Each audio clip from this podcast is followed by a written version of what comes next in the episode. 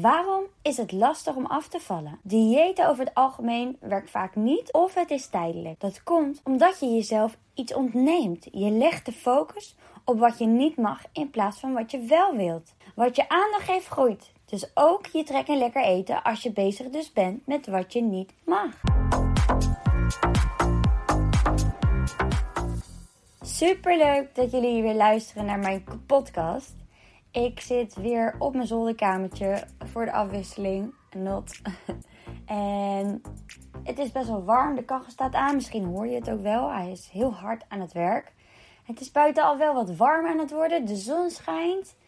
Dus ik ga straks zeker nog even een wandeling maken. Misschien zijn jullie nu ook wel aan het wandelen of ehm, aan het fietsen, het huis aan het schoonmaken of wat je ook doet als je een podcast aan het luisteren bent. Ik luister zelf ook veel podcasten en vaak ben ik dan wel bezig onderweg. Uh, wat heel erg een prettige manier is van informatie en inspiratie opdoen zonder dat het extra tijd kost. Ik wil het met jullie hebben over mijn leven. Uiteraard weer uh, met wat tips uh, hoe je zou kunnen afvallen. In mijn leven heb ik veel gestruggeld met eten. Hier heb ik ook al eerder een podcast over genomen, podcast 3. Even nog kort als samenvatting. Altijd als ik voor de spiegel stond, vond ik mezelf dus dik. En ik was nooit tevreden met mezelf. Ik heb zoveel geprobeerd in mijn leven. Uh, sapjesdieet, de voedselzandloper, paleo, misschien herken je het wel. Ik heb ook een periode geen koolhydraten of weinig geen koolhydraten gegeten. Dus geen pasta, geen aardappels. Dat soort dingen, geen brood. En ook een periode geprobeerd zonder vetten te leven. Dus waarin ik eerst heel veel noten, ongebrande, ongebrande noten had. Ging ik um, juist minder vetten eten. Ik had de overtuiging ook, als ik minder vet eet, dan is dat misschien niet heel gezond. Want ja, avocado, noten zijn juist heel gezond. Maar dan kom ik in ieder geval niet aan of dan val ik misschien wel af. Dus ook dat, daar heb ik van alles in geprobeerd eigenlijk. En daarbij had ik nog een dikke sportverslaving. Dus op een gegeven moment sloeg het ook om in, um, ja, in een soort fit girl-achtige taferelen. Omdat ik dan zo laag mogelijke vetpercentage wilde. Maar ik was nooit tevreden.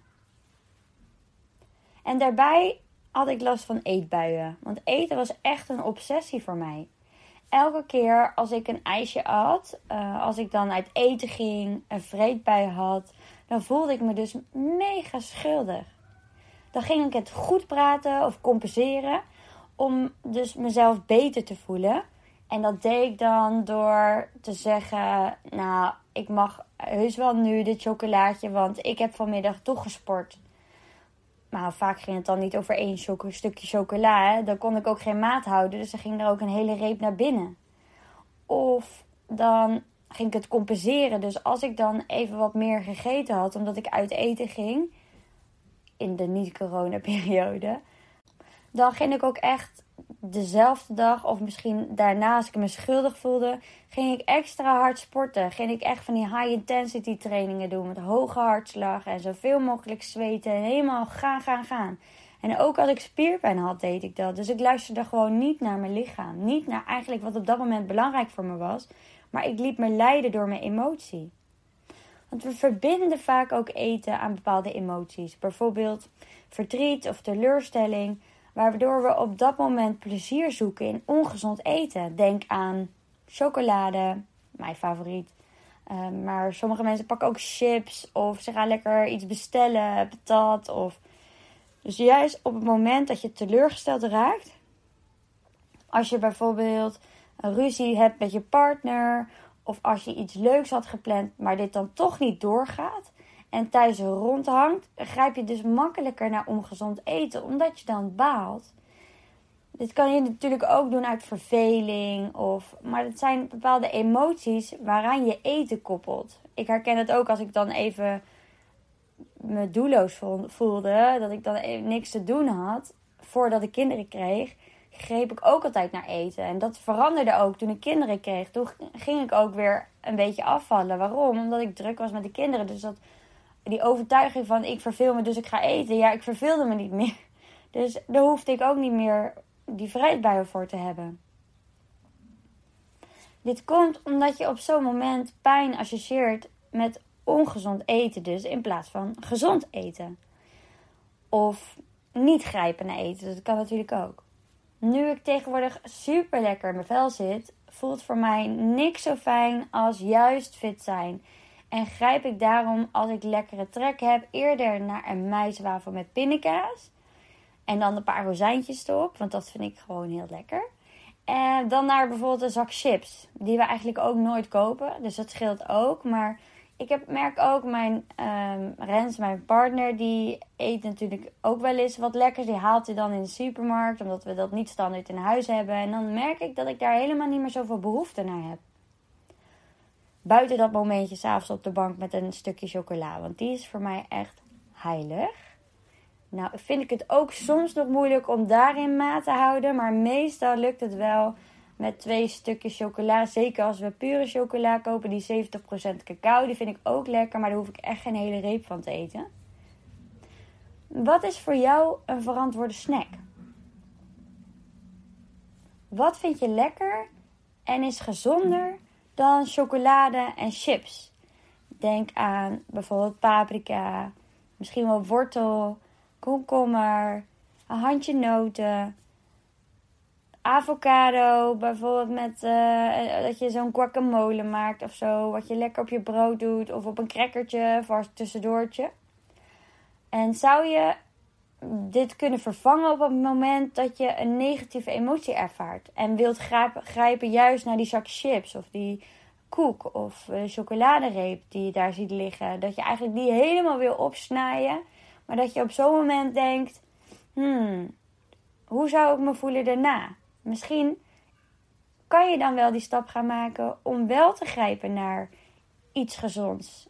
Iets dat je wel gaat eten. Dus dat je wel dat vervult voor tijdelijk. Maar dat je grijpt naar iets gezonds. Dat hielp voor mij in ieder geval heel erg in het begin. Want zo ga je dus ook je brein opnieuw herprogrammeren.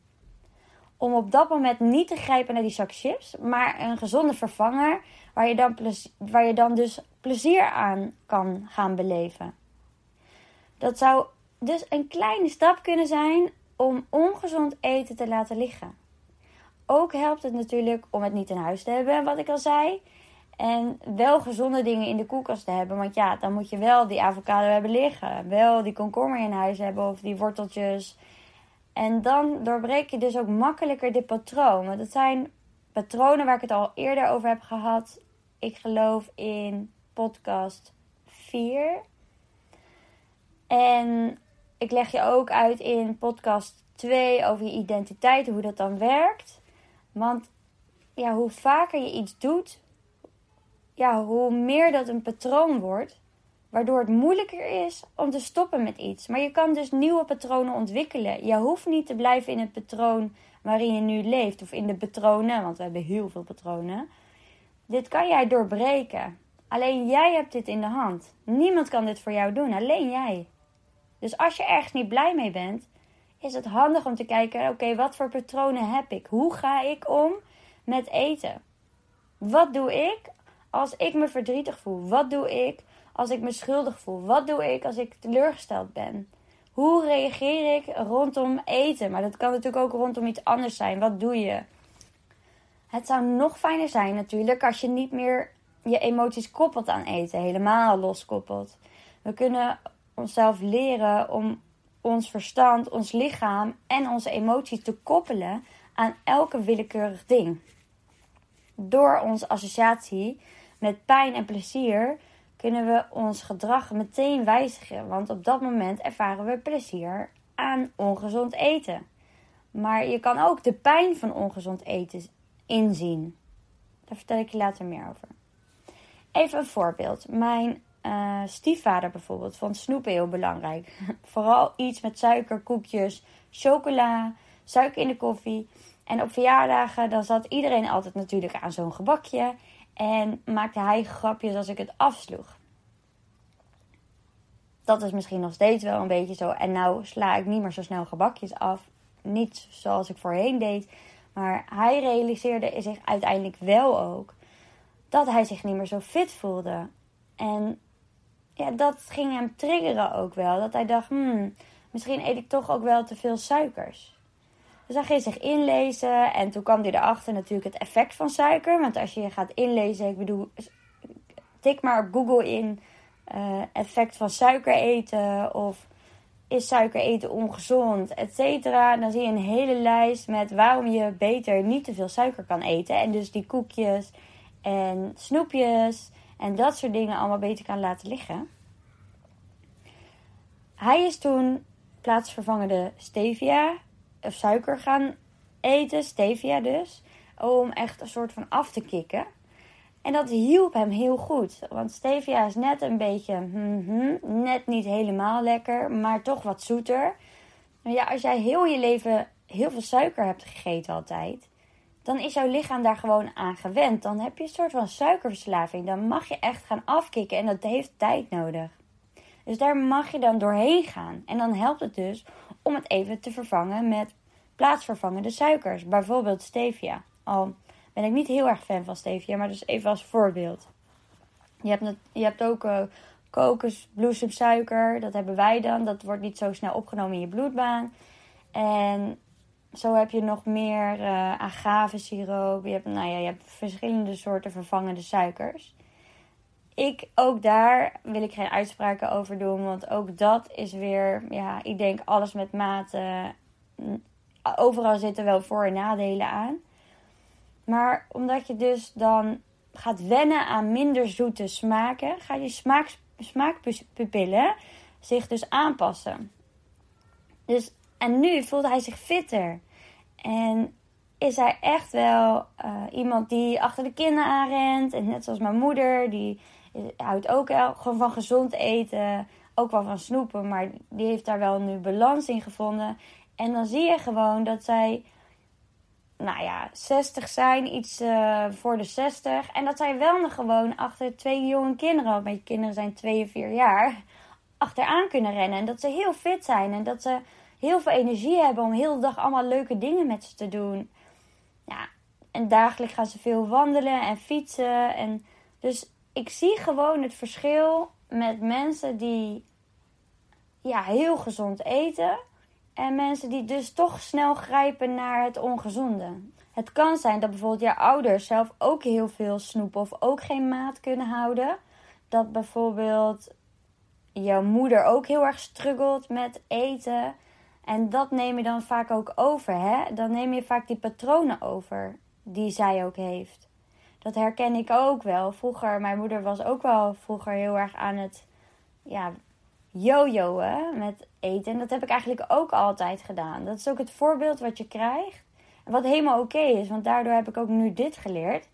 Dus, maar dan, nee, dat neem je vaak over. En dat kan jij zelf doorbreken dus. Om dat ook in te zien. En door te kunnen zeggen, oké, is dat van mij? Want vaak is het helemaal niet van onszelf. Of het komt dus door een emotie, wat ik aangaf. Dus een reden dat je getriggerd wordt kan dus zijn door uh, je emoties, door je opvoeding, hoe je het gewend bent om om te gaan met eten, maar ook door reclame bijvoorbeeld. In Amerika was er ooit een, uh, een rozijnenboer die geen rozijn meer verkocht. En het was gewoon niet meer zo'n hip, niet zo hip meer. Het was saai, plat, echt zo'n gerimpeld uh, klein frutje, dingetje. En toch gaf deze rozijnenboer niet op. Hij bleef nadenken hoe hij dit aantrekkelijk kon maken. Ze huurde uh, een creatief filmer in, super slim, die vanuit een andere perspectief kon kijken naar die rozijn. Dan denk je, waar hebben we het nou over? Een rozijn. Maar hij maakte, fabriceerde zo kleine uh, rozijntjes vanuit klei, die net even iets aantrekkelijker eruit zagen. En die lekker dansten en uh, swingen op de muziek. En ze maakten er echt een feestje van. Het was echt een rozijnenfeestje. Dus toen dat uitkwam op de tv, zagen de mensen het ook niet meer als een grimpeld saai uh, rozijntje. Maar associeerden ze het met een gevoel van lol, met humor, plezier. Dus zo werden die rozijnen weer hip. Ja, bij ons zijn ze ook nog steeds wel hip, zeker voor de kinderen. Maar die eten dat dagelijks. En ik eet het ook best wel regelmatig met maten, uiteraard. Lekker in de pap of zo. Maar zo bijzonder dat, je, dat iets zo suf is geweest. En dat je dus zo makkelijk getriggerd kan worden en kan associëren met fun, met plezier. En dat je dus dan het aantrekkelijk wordt om te gaan eten. En dat je er dus ook dan zin in krijgt. Er is nog een onderzoek geweest van een zekere Pavlov. En ze hadden wat testjes gedaan hoe honden reageren op eten. Dus ze gaven elke dag een hond of de honden te eten, tegelijkertijd met een belletje. Dus op zo'n moment wist de hond: oké, dat belletje eten, kwijlen. Want dat was de reactie op eten voor die hond. Dus als de bel dan afging, dan was hij meteen hop in klaarstand om te rennen om naar zijn eten te gaan. Dus ook als hij zelfs helemaal vol zat, dus hij had zich helemaal vol gegeten en helemaal geen behoefte eigenlijk meer aan eten. Als dat belletje ging, ja, dan wist hij: nee, nu moet ik eten. En dat, zo werkt het ook met de emoties. De emoties zijn dan eigenlijk ons belletje. Dus er gaat zo'n belletje af, er is een emotie en je denkt aan eten. Ook als je vol zit, ook als je helemaal geen trek hebt. Maar hoe kan je dit dan shiften? Hoe werkt dit dan wel? En dat kan zijn pijn verbinden aan gedrag waarmee je wil stoppen. Dus het omdraaien. Dus niet de plezier zien in dat eten, maar de pijn ervan inzien.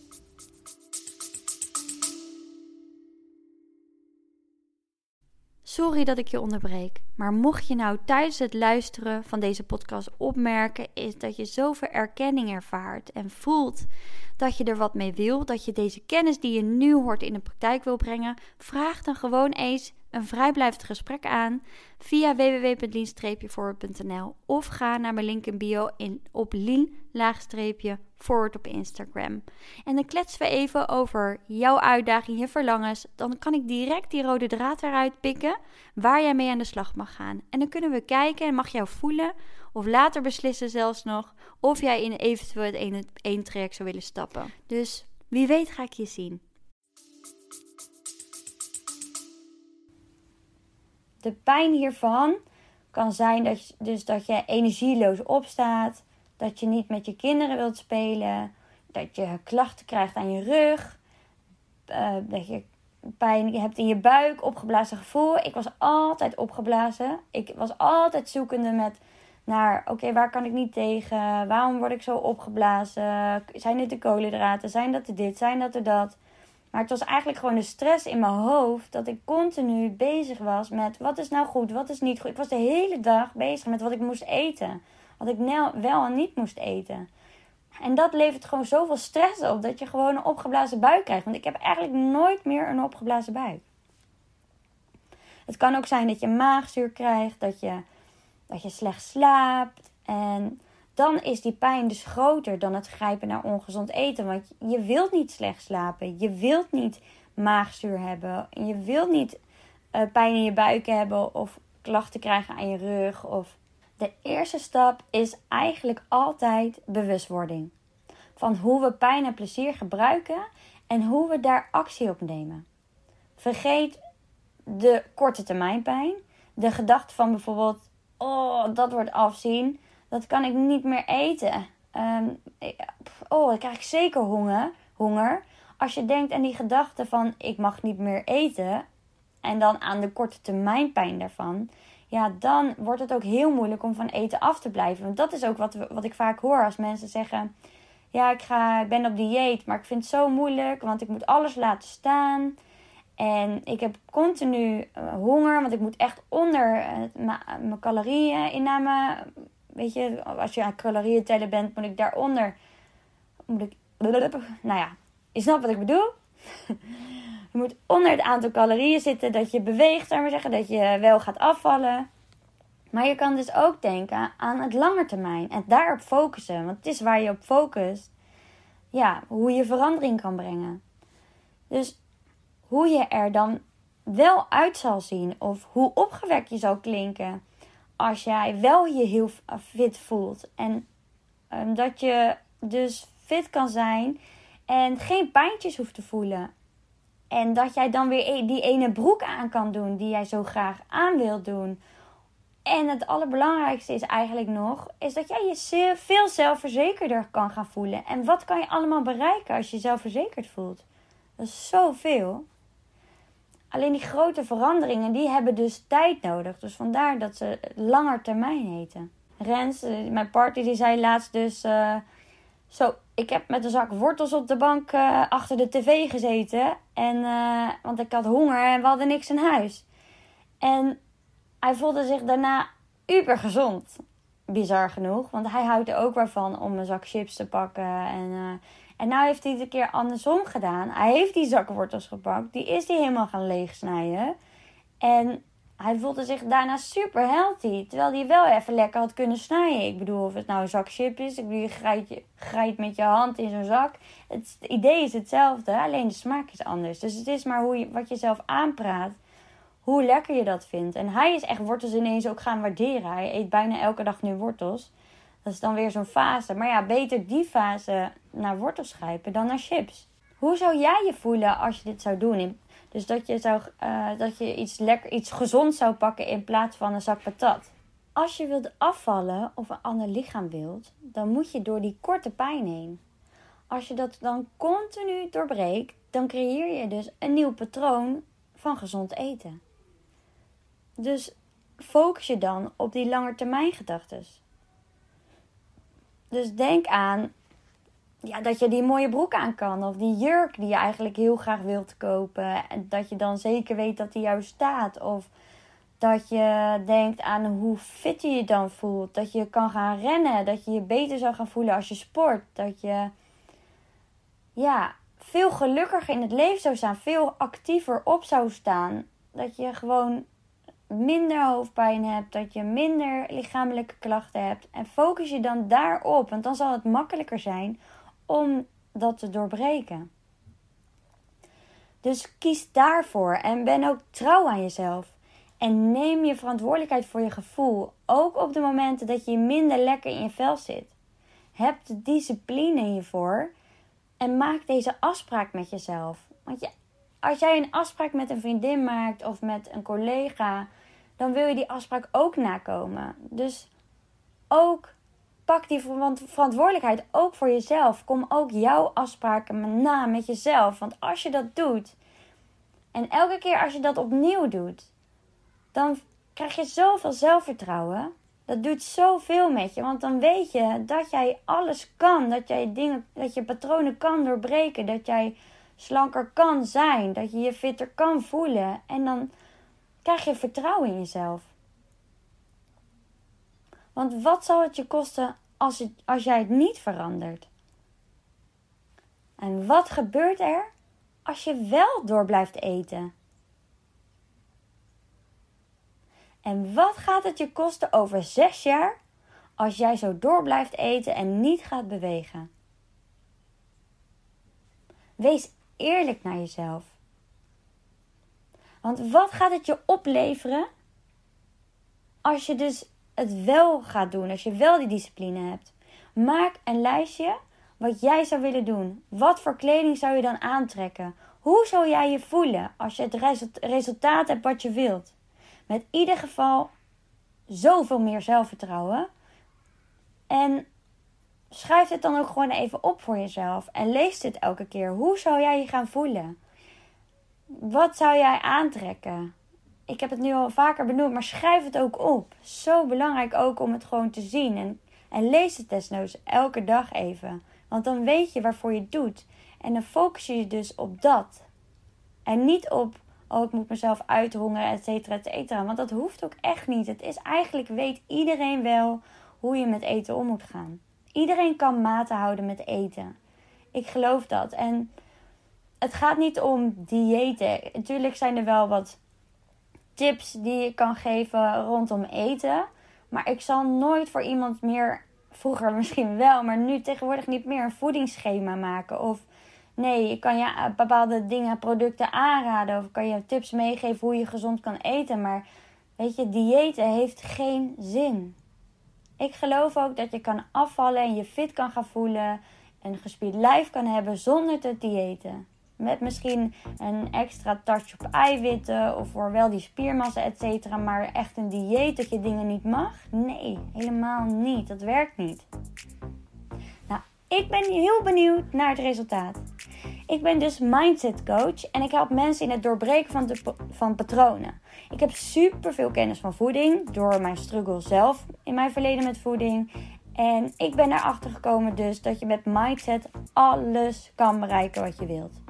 Dus loop je ergens tegenaan of wil je meer weten? Stuur me een bericht op Insta, lean-forward voor een vrijblijvend gesprek.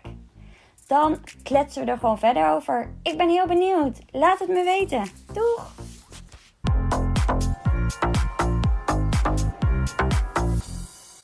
Dat je hebt geluisterd. Deel het op Instagram om ook anderen te inspireren en tag mij. Het zou mij enorm helpen als je deze podcast gaat volgen en als je een review achterlaat op iTunes via Apple Podcasts. Zo word ik beter vindbaar en kan ik daarom nog meer mensen helpen. Bedankt. Doei!